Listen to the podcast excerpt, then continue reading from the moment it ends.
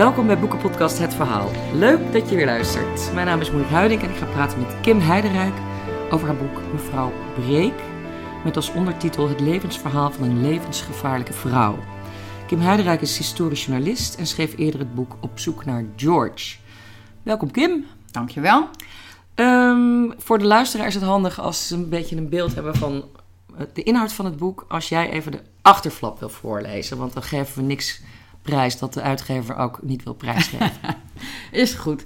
Um, de knappe en charmante Rotterdamse waarzegger Johanna Maria Breek kan met haar gezin met vijf kinderen goed leven van haar kaartleggingen en de oplichterspraktijken van haar man.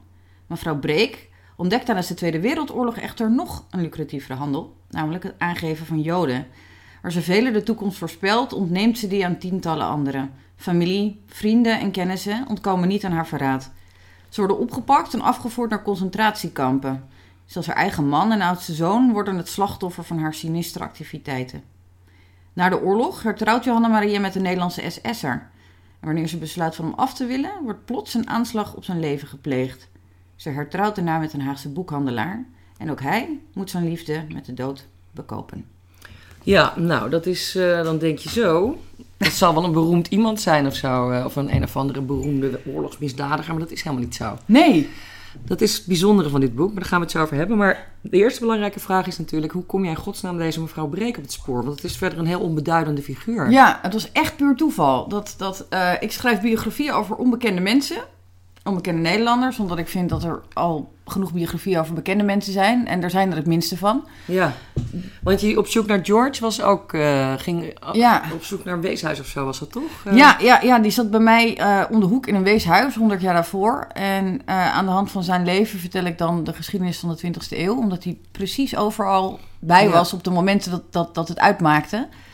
En uh, ja, daar ben ik eigenlijk, eigenlijk vol gaan houden. Dit boek gaat ook over een onbekend iemand en het volgende ook weer. Dus de, de, de biografieën van onbekende Nederlanders. Ja. dat is fascinerend. Iedereen heeft een verhaal en dat blijkt mij weer. Maar gek genoeg speelt het zich, ligt de bron of de kiem altijd bij jou in de straat? Altijd om de hoek. Ja, ja. dat is heel stom. Ja. ja, maar dat is ook... Leuk. Ja, ik schrijf wel over Haagse historie. En, en ja, je begint dan redelijk dichtbij en dan, dan waai je het eruit.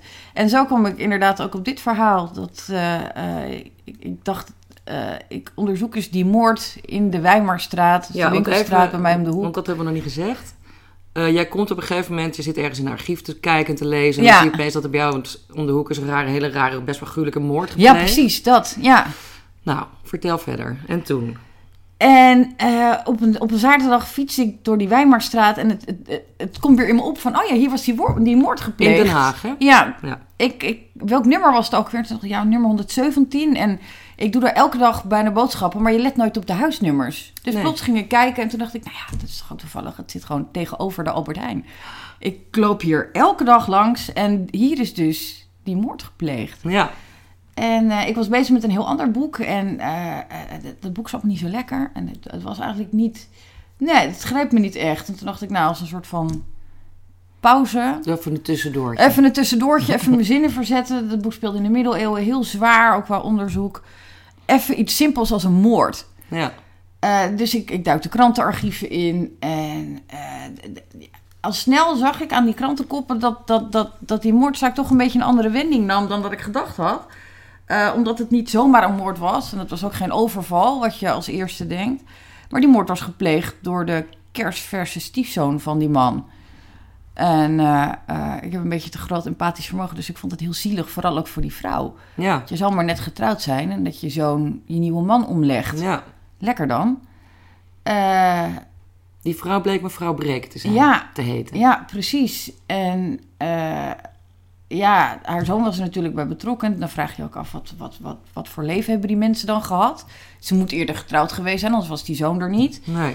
Dus verder zoekende in de krantenarchieven kwam ik er al snel achter dat zij verdacht werd van het verraad op haar uh, man, oudste zoon en uh, heel veel familieleden. Toen dacht ik, nou, dat is wel apart. Ja. Dat je in het begin nog medelijden met iemand hebt. Hoe, hoe, hoe ging je, hoe deed je dat dan? Ging je op haar naam googlen? Want dat lijkt me, dat is gewoon een onbekend iemand. Ja, krantenarchieven, daar kom je echt een heel Oh, eind mee. ja. Dus delver.nl. Op Delver krijg je gewoon mevrouw Breek in. Johanna Maria heet zij. Ja, gewoon alle varianten. J en Breek, mevrouw Breek, Oh, eh, J en B uit, uit R. En, en op een gegeven moment dan, je, je stuit op alles. Maar vooral omdat eh, de- die moord was in 1958. Dat haalde echt wel de voorpagina's van de Mm. krant, omdat het zo gruwelijk was. En die Weimarstraat was een hele chique winkelstraat vroeger. En zo'n Dus boekhandel, dat- is een boek, ja. eh, of een kantoor boekhandel. Ja. Dus en dan, dan kent iedereen die winkelier natuurlijk. Precies, dat het was een hele bekende voorname man. Ja, precies. In de precies. buurt. Ja. Ja. en dan ook nog... Ja, familiemoorden kwamen... Sowieso gruwelijke moorden kwamen niet zoveel voor in die tijd. En familiemoorden helemaal niet zo. Dus dat sloeg echt in als een bom. Ja, Dat helemaal in die winkelstraat en al die mensen die daar woonden... Dat was echt... echt iedereen was geschokt. geschokt. Ja, Ja, tuurlijk. Ja, Precies. Dus eh. En toen ging je verder zoeken. ja, dan raak je gefascineerd, hè? Ja, dan denk je, Dat- goh. Ja. Wordt- En waar wilde je eerst een thriller schrijven of zo daarover? Of wilde je wel non-fictie ervan? Nee, altijd non-fictie. Nee, Ja. dat is echt. eh, eh, ik, ik- ik heb niet het vermogen. Ik heb niet zoveel fantasie. Dus ik heb niet het vermogen om. Je moet weer van de werkelijkheid hebben. Ja, en dat is ook het journalistieke, denk ik. Ik vind dat onderzoek heel leuk om te doen. En eh, ik denk dat ik het onderzoek bijna nog leuker vind dan schrijven. Omdat het is echt zo'n soort schatgraven voor, Ja? voor gevorderden. En in dit geval ook een enorme puzzel. Het is eigenlijk een soort cold case. eh, Ja, precies. achtig. Ja, het geweldig om dat Ja. te doen. Om de gangen na te gaan. En vooral ook met de moderne technieken. Vroeger wa- wa- was niks op elkaar aangesloten. En nu kun je alle getuigenverklaringen naast elkaar leggen. En gewoon zien wat het misgaat. Of waar Ja. er gedraaid wordt. Of waar er gelogen wordt. En ja, die, dat hadden ze vroeger natuurlijk niet. Dat je Nee. alles naast elkaar kon leggen. Nou, wat ik het interessante vind, eh, is dat van dit verhaal van mevrouw Breek, wat ik in het begin ook zei, het gaat gewoon om een volkomen on- onbekende figuur, die in de oorlog, eh, eh, en ook voor de oorlog, al in allerlei, ja, ze had gewoon een slecht leven. Ja, Ze had gewoon pech met heel veel dingen, weet je. Ze had een rotjeugd gehad, haar moeder ging dood toen ze heel jong was. ja. Toen vervolgens trouwde ze met de verkeerde man. En er was ook een uitvreter. En die ging al vreemd. Toen kreeg ze vijf kinderen. Ze moesten, gingen constant failliet. Ze hadden altijd geldgebrek. ja. Alles zat gewoon de hele tijd tegen. Dat mensen zat in de overlevingsmodus. Zo is het op, kwam het op mij over. Ja. En die ging daar dan wel heel ver in. Ja. Maar wat ik interessant vind van, van dit verhaal... omdat je juist over de oorlog... eh, Tweede Wereldoorlog altijd de heldenverhalen leest... Ja. Of heel erge verraders, zware SS'ers. Of natuurlijk het lotgevallen van de, de, het enorme noodlot van de Joden. Ja. Maar nooit over al die kleine krabbelaars die die mensen verraden hebben. Nee, en zeker niet. eh, in Hier dit waren er geval. natuurlijk heel veel van mevrouw Ja. Breeks. Wa- Wat het wel, wel- wat het wel navrant maakt en dat het voor de familie extra pijnlijk is, dat haar man, haar, haar eerste Joodse man, die ze uiteindelijk zelf verraden heeft, in het begin ook meewerkte aan Ja. het verraad. En dat, dat Joden-Joden verraden, dat kom je niet zo gek veel tegen. Dat, dat ja, de, de, de, de, de enige reden waarom ze dat ook konden doen, is omdat die mensen gewoon volledig gewetenloos waren. Ja, En eh, dat is ook het geluk dat ik die familie heb kunnen spreken, want die konden dat ook beamen. ja. Dat ze echt ontzettend slecht behandeld altijd zijn door die, door, door die- die, vader en moeder. Door- Ja, die ja. twee. Ja, door die twee. Dat, Want eh, zij trouwt dan op een gegeven moment, eh, als ze is, eh, is ze in de twintig of zo, Ja, met een Joodse jongen inderdaad. Ja. Eh, die heet eh Philip Bremer. Bremer. Ja. En eh, dat is eigenlijk ook gewoon een oplichter. Ja, vanaf dag één al. En, en... Die zit eerst, bij de, die zit eerst in, de, in, de, in de haven. Hoe zit dat ook alweer? Dan zit doet hij ook allemaal, allemaal foute dingen. Ja, van de, de- ik wist nooit dat het een onderkruiper was, maar dat komt dus uit die tijd. Oh. En eh, de- ja, onderkruipers zijn mensen die toch werken terwijl er gestaakt wordt. En dan maak je je natuurlijk geen, niet geliefd mee. Ja, ja. en hij, hij handelde in die mensen. Hij, Ja. eh, hij verdiende daar ook ontzettend veel geld aan. Maar daarna, toen die staking voorbij was, kon hij natuurlijk nergens meer aan de slag. En werd hij gehaat. Omdat iedereen zijn bloed wel kon zuipen. Behalve Ja, natuurlijk de werkgevers. Maar ja, die waren er natuurlijk ook wel achter dat hij niet echt heel betrouwbaar was. Hij was wel echt een loesje man. Ja, Gewoon dat, dat, dat, altijd al toen hij in de diamanten handelde al. En hij was echt het zwarte schaap van de familie. Dat, dat, dat, ja, zo staat hij ook echt, echt bekend in de familie als de jongen die niet wilde deugen. ja. En eh, dat, dat durven ze natuurlijk niet zo goed hardop meer te zeggen, omdat hij natuurlijk eh, op een gruwelijke manier aan zijn eind is gekomen. En eh, vooral mensen van een wat oudere generatie hebben nog steeds dat over de doden niets dan goed. ja. Maar als je door gaat vragen, dan ja, hij, hij was niet heel populair bij zijn eigen familie ook. Nee.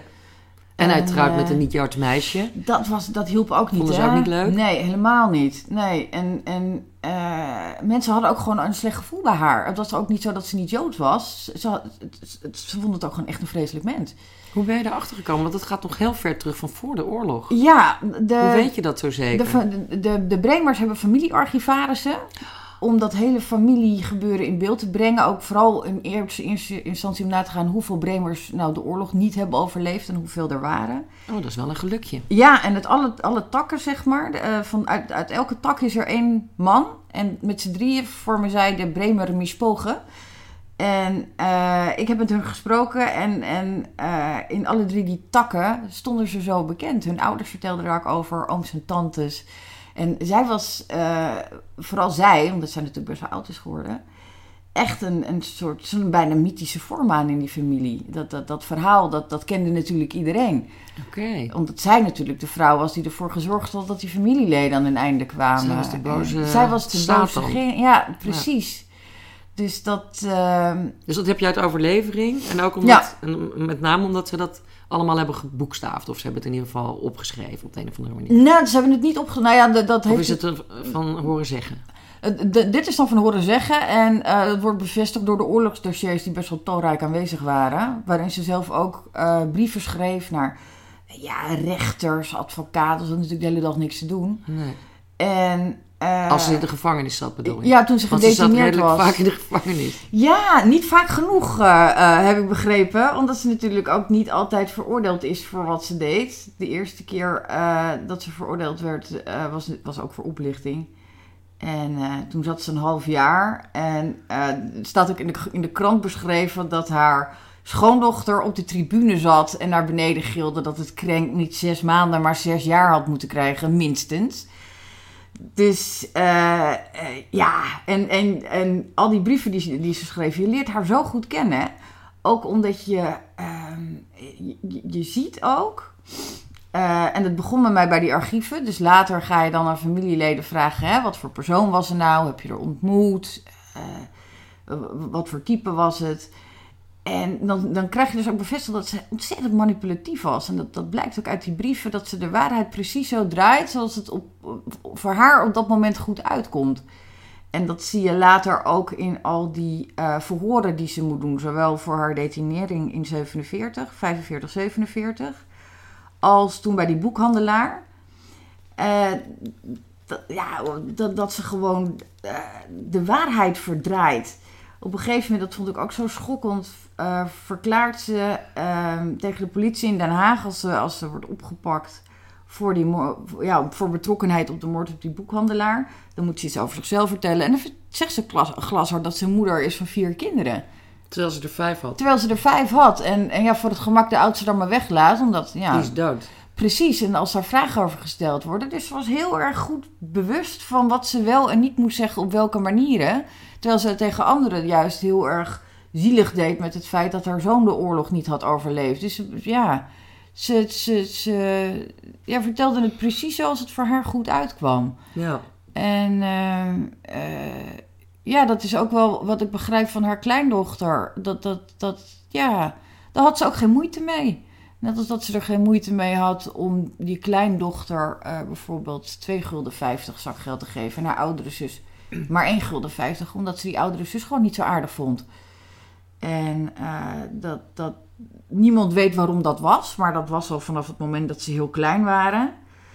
Eh, dat, dat ze ook tegen haar eigen dochter zei: Als je nou in de problemen komt, dan eh, stop, je, stop je die oudste maar in een. nee, stop je de oudste maar in een kinderthuis, maar die baby die wil ik dan wel hebben. Gewoon glashard. Ja. En, en ja, het, het, het, het, was ook niet een warme persoonlijkheid. eh. Ja, zelfs, haar, zelfs de familie die, die haar kende, ja, ja, die gingen met haar om omdat ze dachten dat het moest, weet je wel, in die tijd. Van, Hmm. ja, het blijft toch je moeder, dat Ja. idee. Maar eh, niet, van, niet van harte. Dat, Ik kreeg wel de indruk dat het een intelligente vrouw is. die indruk had ik ook, ja. Ja. Hyperintelligent ook, ook zelfs. die, die eh, nou dat weet ik niet, maar in ieder geval, ze schreef heel goed Duits.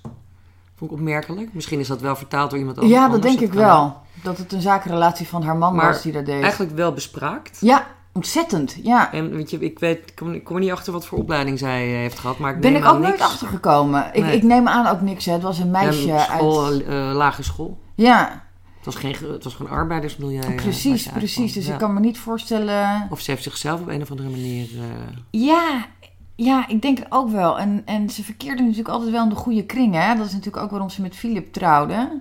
En f- ja, Philip was, was wel goed onderlegd. Had HBS gedaan, had een, eh, een boekhouddiploma. Eh, de, de rechtskundig onderlegd ook.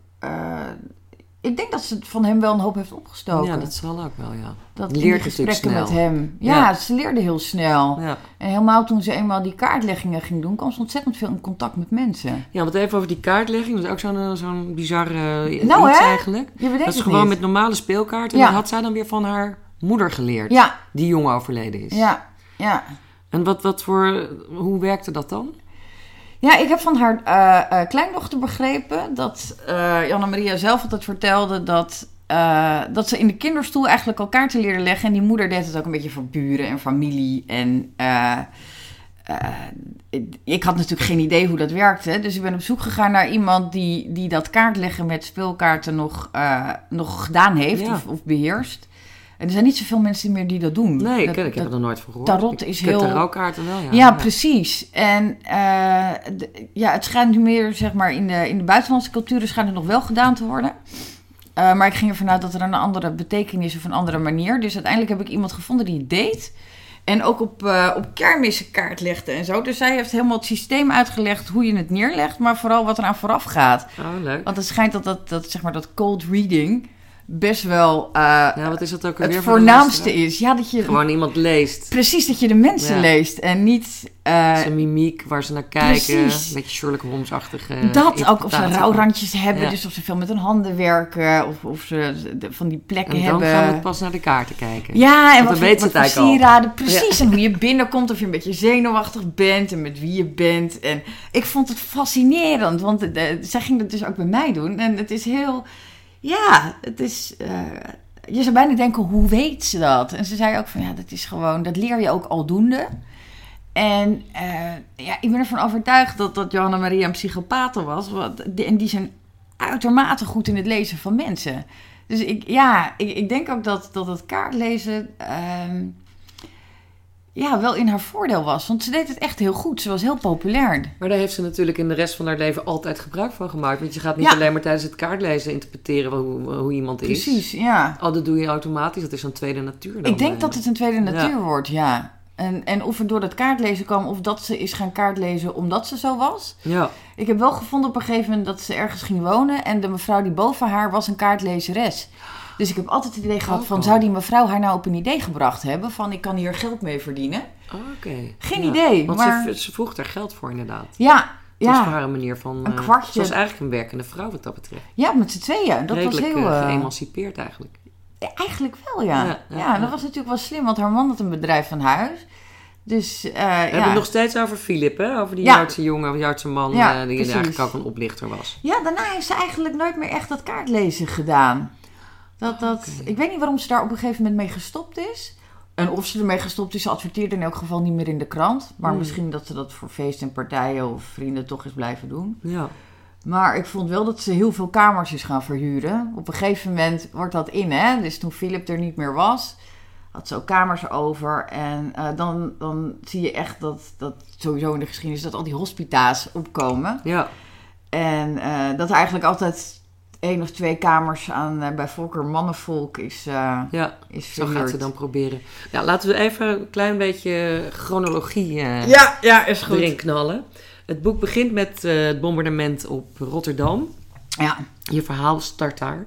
En dan schrijf je dat, het een, dat dat bombardement eigenlijk een zegen is voor Johanna Maria, mevrouw Ja. Bleek dus, en haar man Philip Bremer. Eh, want waarom?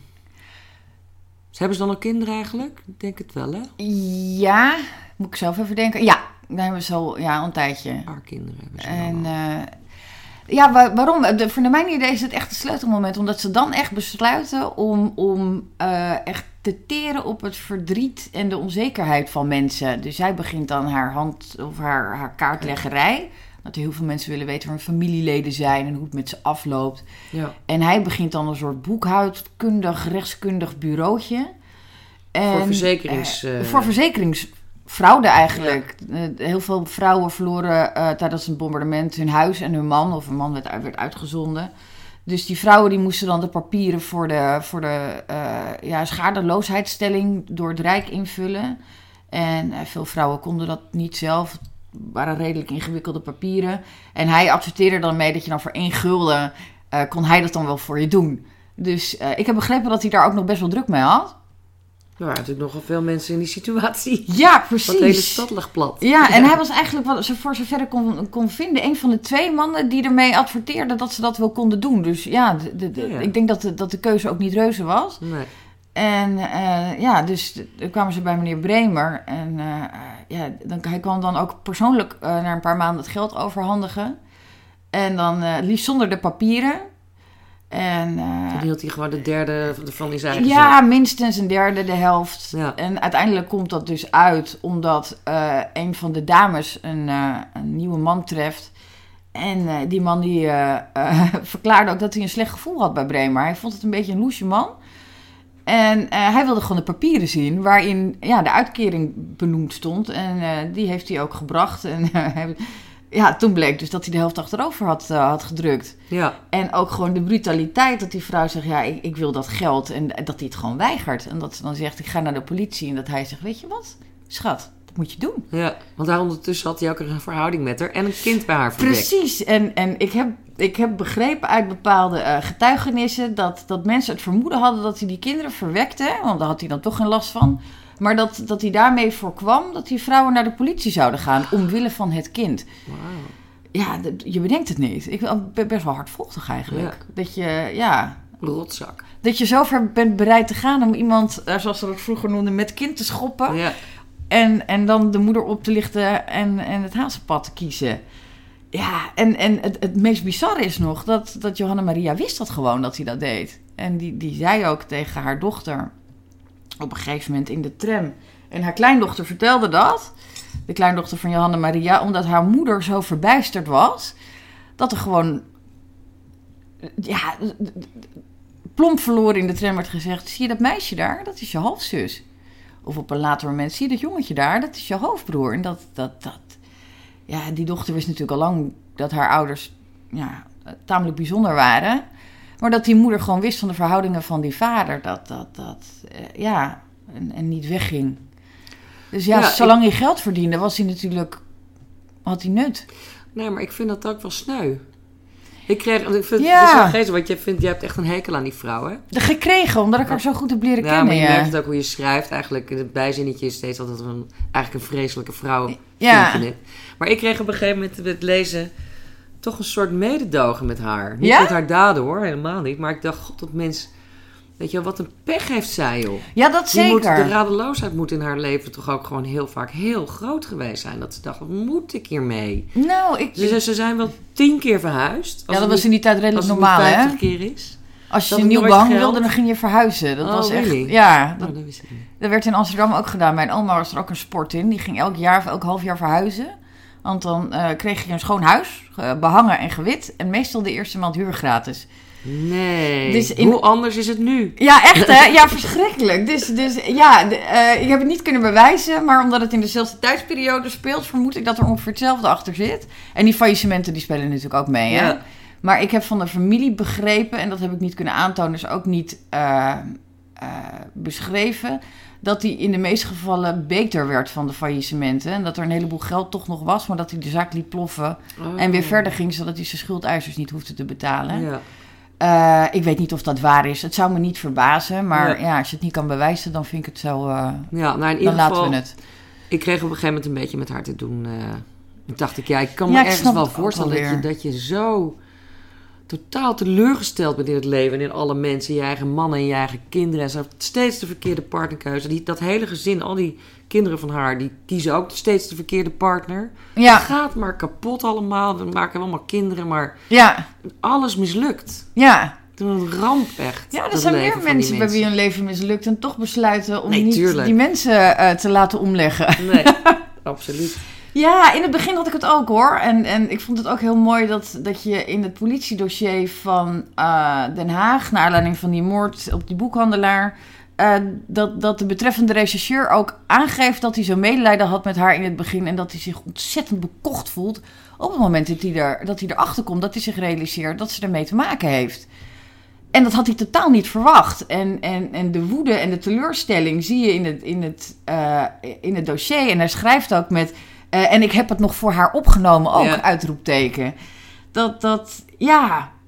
Dus ik, ik begrijp wel dat, dat, je, dat, dat, dat je compassie hebt tot op zekere hoogte. Maar ik zie ook, zeg maar, ik moet er af en toe. Er zijn meer mensen die dat hebben. En ik moet er wel eens om lachen. Dat ik denk, ze krijgt het gewoon nog Door jou voor heen, elkaar door jouw boek heen. Om mensen gewoon in de luren te leggen naar de dood. En ik denk, jongen, dat is toch knap, joh. Dat ze zelfs nog, Ja. nog wat is het, nu 50 jaar na de dood nog mensen weten, weten persodemieteren. Nou, het heeft natuurlijk ook, eh, dat daar had ik, heb ik ook aan gedacht. Van wat grappig dat ik dat toch een beetje denk van god, dat mensen hebben wel ontzettend veel pech, zeg. Ja. machtig. Ook die vreselijke jeugd. En nou ja, weet je wel, dus niet, en dat, dat, dat maakt niets goed van haar gruwelijke Nee, daden nee. uiteraard. Maar ja, Het praat het niet goed, maar van ja. god, je kan ook wel heel veel pech eh, op je pad krijgen, zeg. Maar goed, laten we even teruggaan naar de oorlog. Zij, hebben dan, eh, zij doet dan dat hand, eh, dat voorspellen. ja. En hij eh, eh, behandelt eh, de weduwe op een totaal verkeerde manier, waardoor hij al Ja. zijn geld... En zij troggelen dus van allerlei armzienige mensen geld af. Ja, Maar op een gegeven moment wordt het 1942, dan begint het echt heel moeilijk te worden Ja. voor Joodse families. ja. En gewoon voor Joden in het algemeen. En hij is natuurlijk een Jood, dus Ja. hun kinderen zijn dan volgens de nazi-wetten half Joden. ja. En ehm, nou ja, wat gebeurt er dan? Ja, wat er dan gebeurt... ehm eh, Philip krijgt, krijgt Dus die een, halve eh, familie van haar, schoonfamilie van haar, zijn allemaal Joden. Ja, ja. En, en, en de meeste eh, waren met, met Arische eh, eh, mensen getrouwd. Zeg maar de, de kinderen de- van hun ook. Dus je kan een, een spernummer krijgen. En Philip vraagt dat meteen aan. En hij is de eerste die het krijgt. Dat betekent dat je voorlopig gevrijwaard bent. Of zij dachten dat zij voor altijd gevrijwaard waren van wat hen dan ook te wachten stond. In 42 wisten ze dat Nee. niet precies, hè, wat, wat, wat, wat er zou gaan gebeuren. Er waren wel roddels, maar ze wisten het niet helemaal.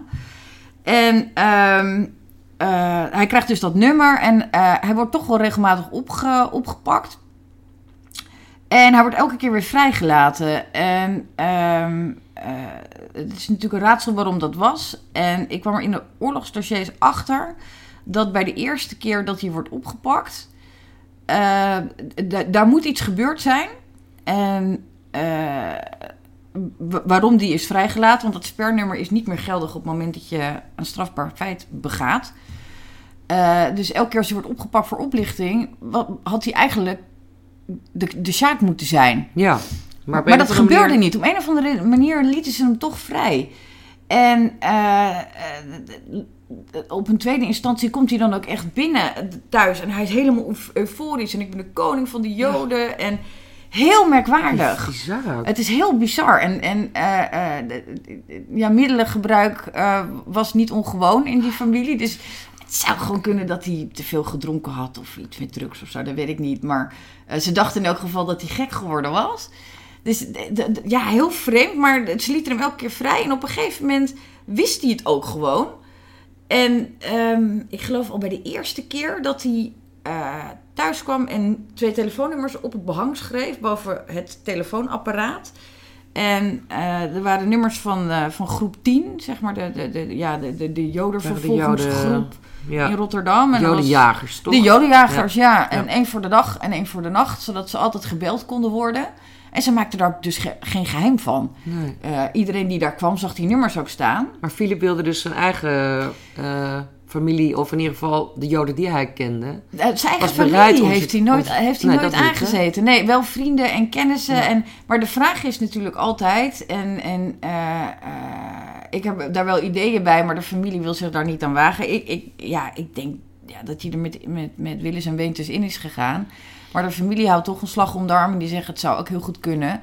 Eh, dat ze iets over hadden, dat ze hem hebben afgeperst. Ja. Dat ze hem onder druk hebben gezet. Eh, anderzijds, eh, groep 10 staat bekend als buitengewoon gewelddadig. En mensen werden ook ontzettend mishandeld tijdens die verhoren. Dus ik kan me voorstellen dat hij op een gegeven moment vrij is gelaten met de boodschap van... we laten je gaan en we laten je leven, maar dan moet jij iets voor ons doen. Dan moet je Joden gaan verraden. Precies, Ja. precies. Dus het, ja, ik, ik moet alleen eerlijk En hij zeggen... had ook niet zo'n hoge moraal verder.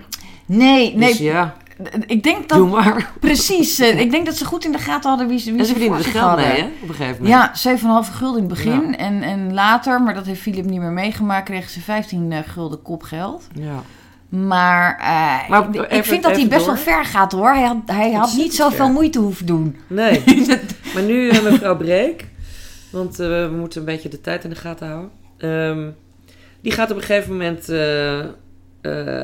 dan zit... Philip is weer opgepakt. Ja. Haar oudste zoon ook. Die heet Maximiliaan. Ja. Is ook opgepakt. En dan wil ze eigenlijk een soort uitruil regelen of zoiets dergelijks lijkt het. Ja, Maar dan op een of andere bizarre manier verraadt ze haar eigen man. Ja. Daar. Want, waar- waarmee? Namelijk met dat hij een kind heeft gemaakt bij mevrouw Bakker, die hij had opgelicht met die verzekeringsfraude. ja. En dat mag niet op dat moment in, in 1992, want dat is een, hoe heet dat ook alweer? Een bizar woord voor. De, Een rassen- rassenvermenging of Ja, precies. Ra- Rassenschennis, rassen...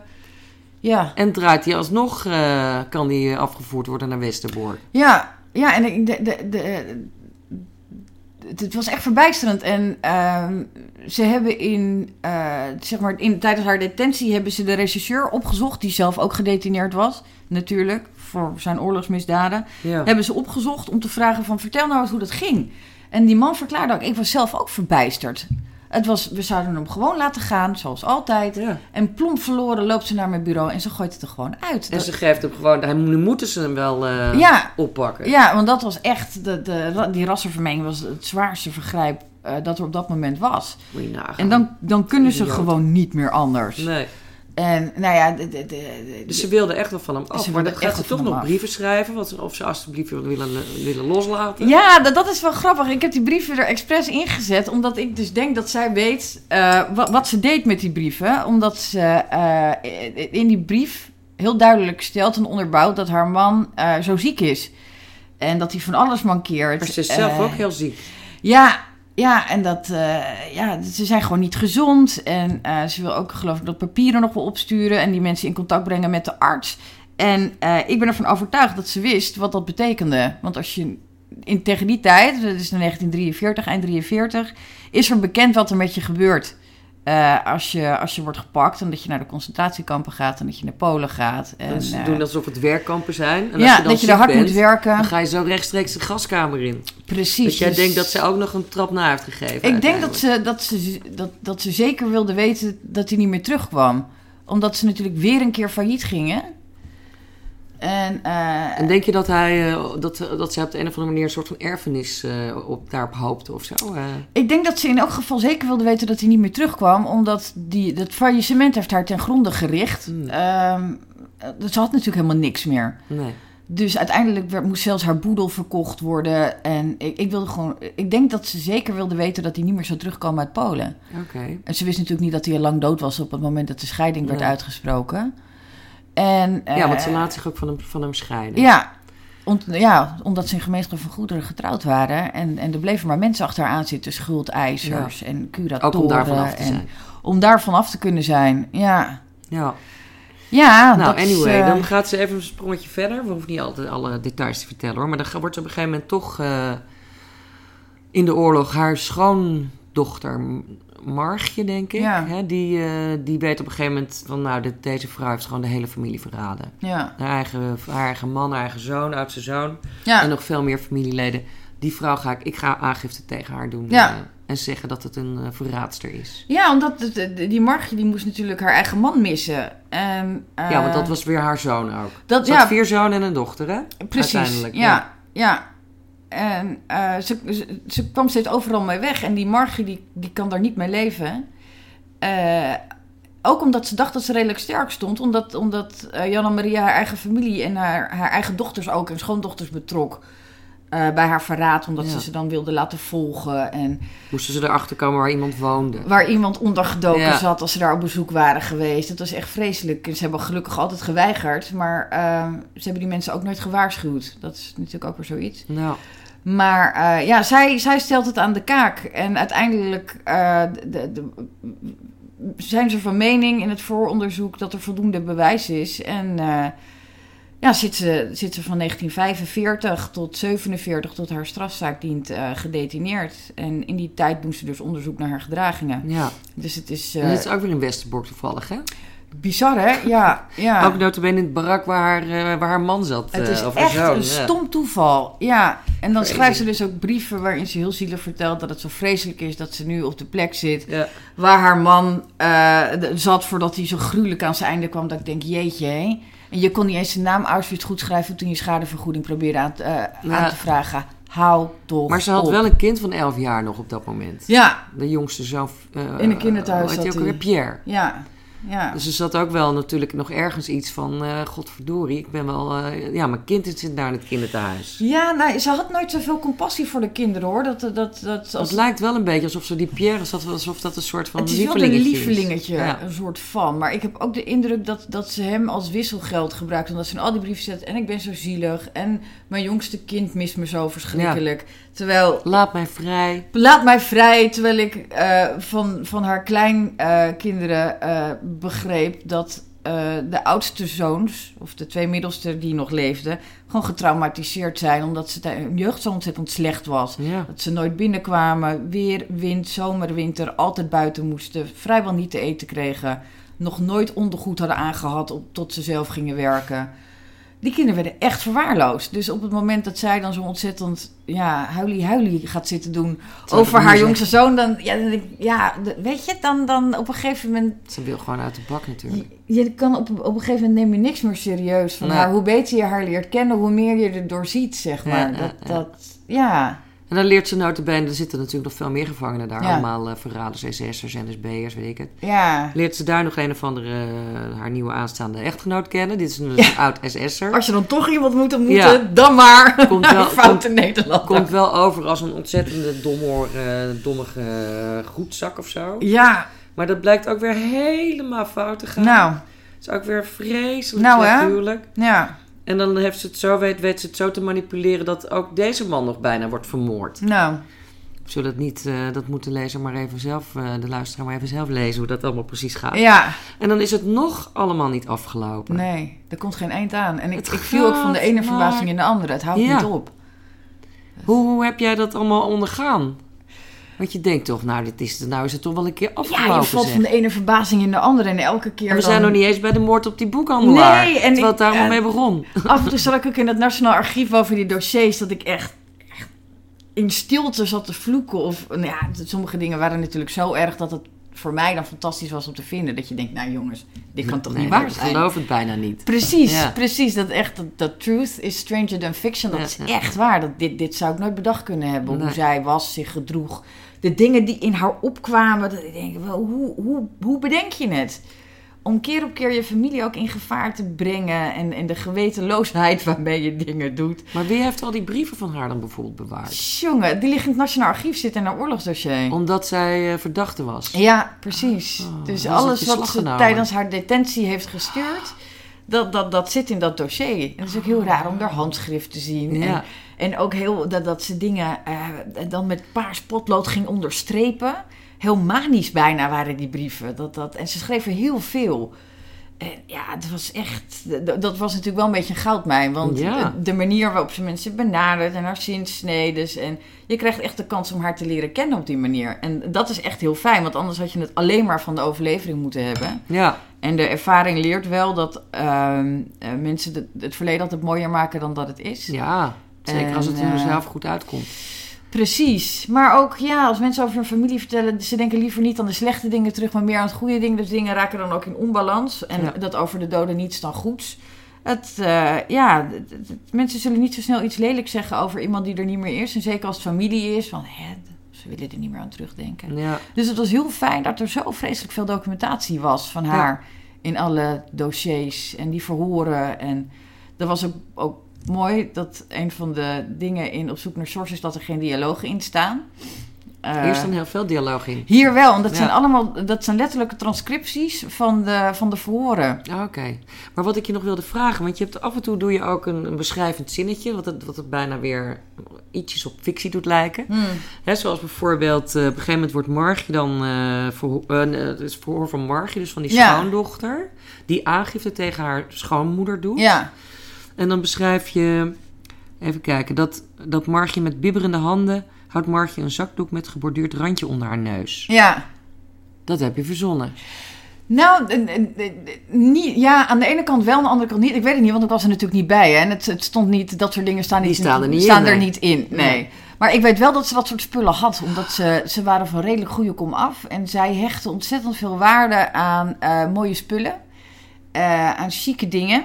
Dus dat altijd het. eh, Maar die Margie was dan van goede komaf. en nou, eh, Margje zelf niet zo, maar eh, die oudste zoon waarmee ze getrouwd was, Maximiliaan, die, die verdiende heel goed. Oh. En Die wilde mooie fancy spulletjes. ja, en zij hield er ook van, dus hij verwende haar heel erg. En Hmm. zij had eh, schitterende dingen en ja, dat is waarschijnlijk ook een van de redenen. Ja, hij was heel Dus succesvol. Zou kunnen. Met redelijkheid, met aan redelijkheid grenzende waarschijnlijkheid Ja. mag je denken dat ze inderdaad wel een hele chique zakdoek eh, had. Eh, Ja. de- de- de- Want in hetzelfde stuk schrijf je ook... De agent zit druk te pennen. Zo nu en dan met opgetrokken wenkbrauwen. ja, Dat heb je ook zelf ingevuld. Nou, op zich wel, maar je ziet ehm, ehm, eh, naast, Je zag het voor je. naast, de uitgetikte, naast de uit- uitgetikte transcripties heb je de handgeschreven, door de eh, regisseur eh, uitgeschreven ehm, eh, verklaringen. En het zijn echt hele lappen tekst. Ah. En ze worden ook gedateerd. En Margie is dan al de zoveelste die die dag wordt geïnterviewd. Dus zit er naar Azel voor. En dan gaat hij door naar haar. En het, hij beschreef het heel uitgebreid en heel gedetailleerd. Hij, ze zei toen, en toen zei ik, en toen zei zij. Oh, dus hij zat inderdaad oké. met, Ja, waarschijnlijk ja, met een vulpen heel druk te schrijven... terwijl zij dingen eh, vertelt. En eh, ik- kan me niet voor de geest stellen... maar er moet iets van verbazing uitgebleken hebben. Anders dan had ik dat niet zo opgeschreven. Om duidelijk te maken dat die man kennelijk heel verbaasd was. Ja. Want eh, gezien de vorm, zeg maar, kon ik niet opschrijven van... de- eh, uit het dossier blijkt dat hij heel verbaasd was. Want het Nee. past dan niet in de... Dus dit was de enige manier om er dan in te verwerken... Ja, nee, hoe die man daar gezeten moet hebben. Ja, ja, ja. Dus ja. het- ja, dat is het lastige met dit soort ook een dingen. stijlkeuze natuurlijk. Ja, precies, precies. En, en eh, het zijn wel van die vrijheden die je dan permitteert, omdat het ook. ehm, nee, eh, als het het verhaal niet, niet echt beïnvloedt, als het niet. ehm, dan vind ik dat je dat heel af en toe wel eens kan permitteren, anders wordt het zo droog. Nou ja, het werd ook anders heel erg dialoog. precies. Dus je moet dan af en toe even een ja. soort regieaanwijzingje eh, ja, precies. erin schrijven. Even ja. een soort, ja, om ook het sfeertje te zetten. Ja, Ja. ja. Nou, nog even tenslotte eh hoe ze de heer Wiegerink ontmoet. Dat is onze, dat is onze kantoorboekhandelaar waar het verhaal allemaal voor jou mee begon. Ja. Dan zet ze een contactadvertentie. Ja. Dat ze wil gaan huwen. En ze is dan al dik in de 50 of zo, hè? Of is ze al 60? In de 60, In de ja, 60, ja, ja, En dan ook nog eh, in Elsevier's Weekblad. Dus ze koos ook wel het goede blad om te Maar zorgen. ze was hartstikke slim, joh. Eh, de- ja, vind ik wel. Het was echt, het was geniaal. Ze had hem ook in de krant kunnen zetten. Maar bij Elsevier heb je natuurlijk, is de kans groter dat je ja, een ondernemer of een Ja, zakenman treft. En dat was, geld. dat was wel de bedoeling. Dat was de bedoeling. Ja, echt. Geniale zet. Ja, En ook daar gaat het dan weer helemaal verkeerd. ja. Hoe ja. is het toch in vredesnaam mogelijk? Ja, ik weet het niet. Zat er een neus voor? Maar ik ga je nu de laatste vraag stellen, want eh, de tijd is een beetje op. Het is een fascinerend verhaal. En wat ik eigenlijk het allermooiste vind, is wat we in het begin ook zei: dat het gaat over. Er zijn in, in Nederland waarschijnlijk iets van 12.000 Joden verraden. Ja. Allemaal in de randstad over het algemeen.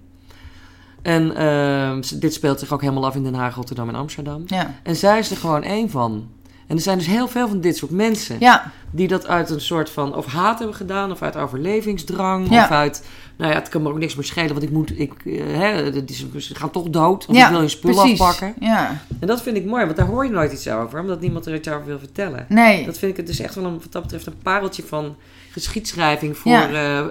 Voor dit verborgen en waar mensen zich over voor schamen. Ja. En dat ze lekker in de doofpot stoppen en niks meer gaan doen. Ja. Dat, is leuk, dat vind ik echt heel mooi van dit, eh, van dit verhaal. Eh, heel goed dat je dat zo hebt eh opgediept. Dankjewel. Dankjewel. Uh, mijn laatste vraag is uh, je volgende boek. Want ik hoor net dat je daar alweer aan ja, begonnen bent. Klopt. Ja, ja, ik ben er deze week mee begonnen.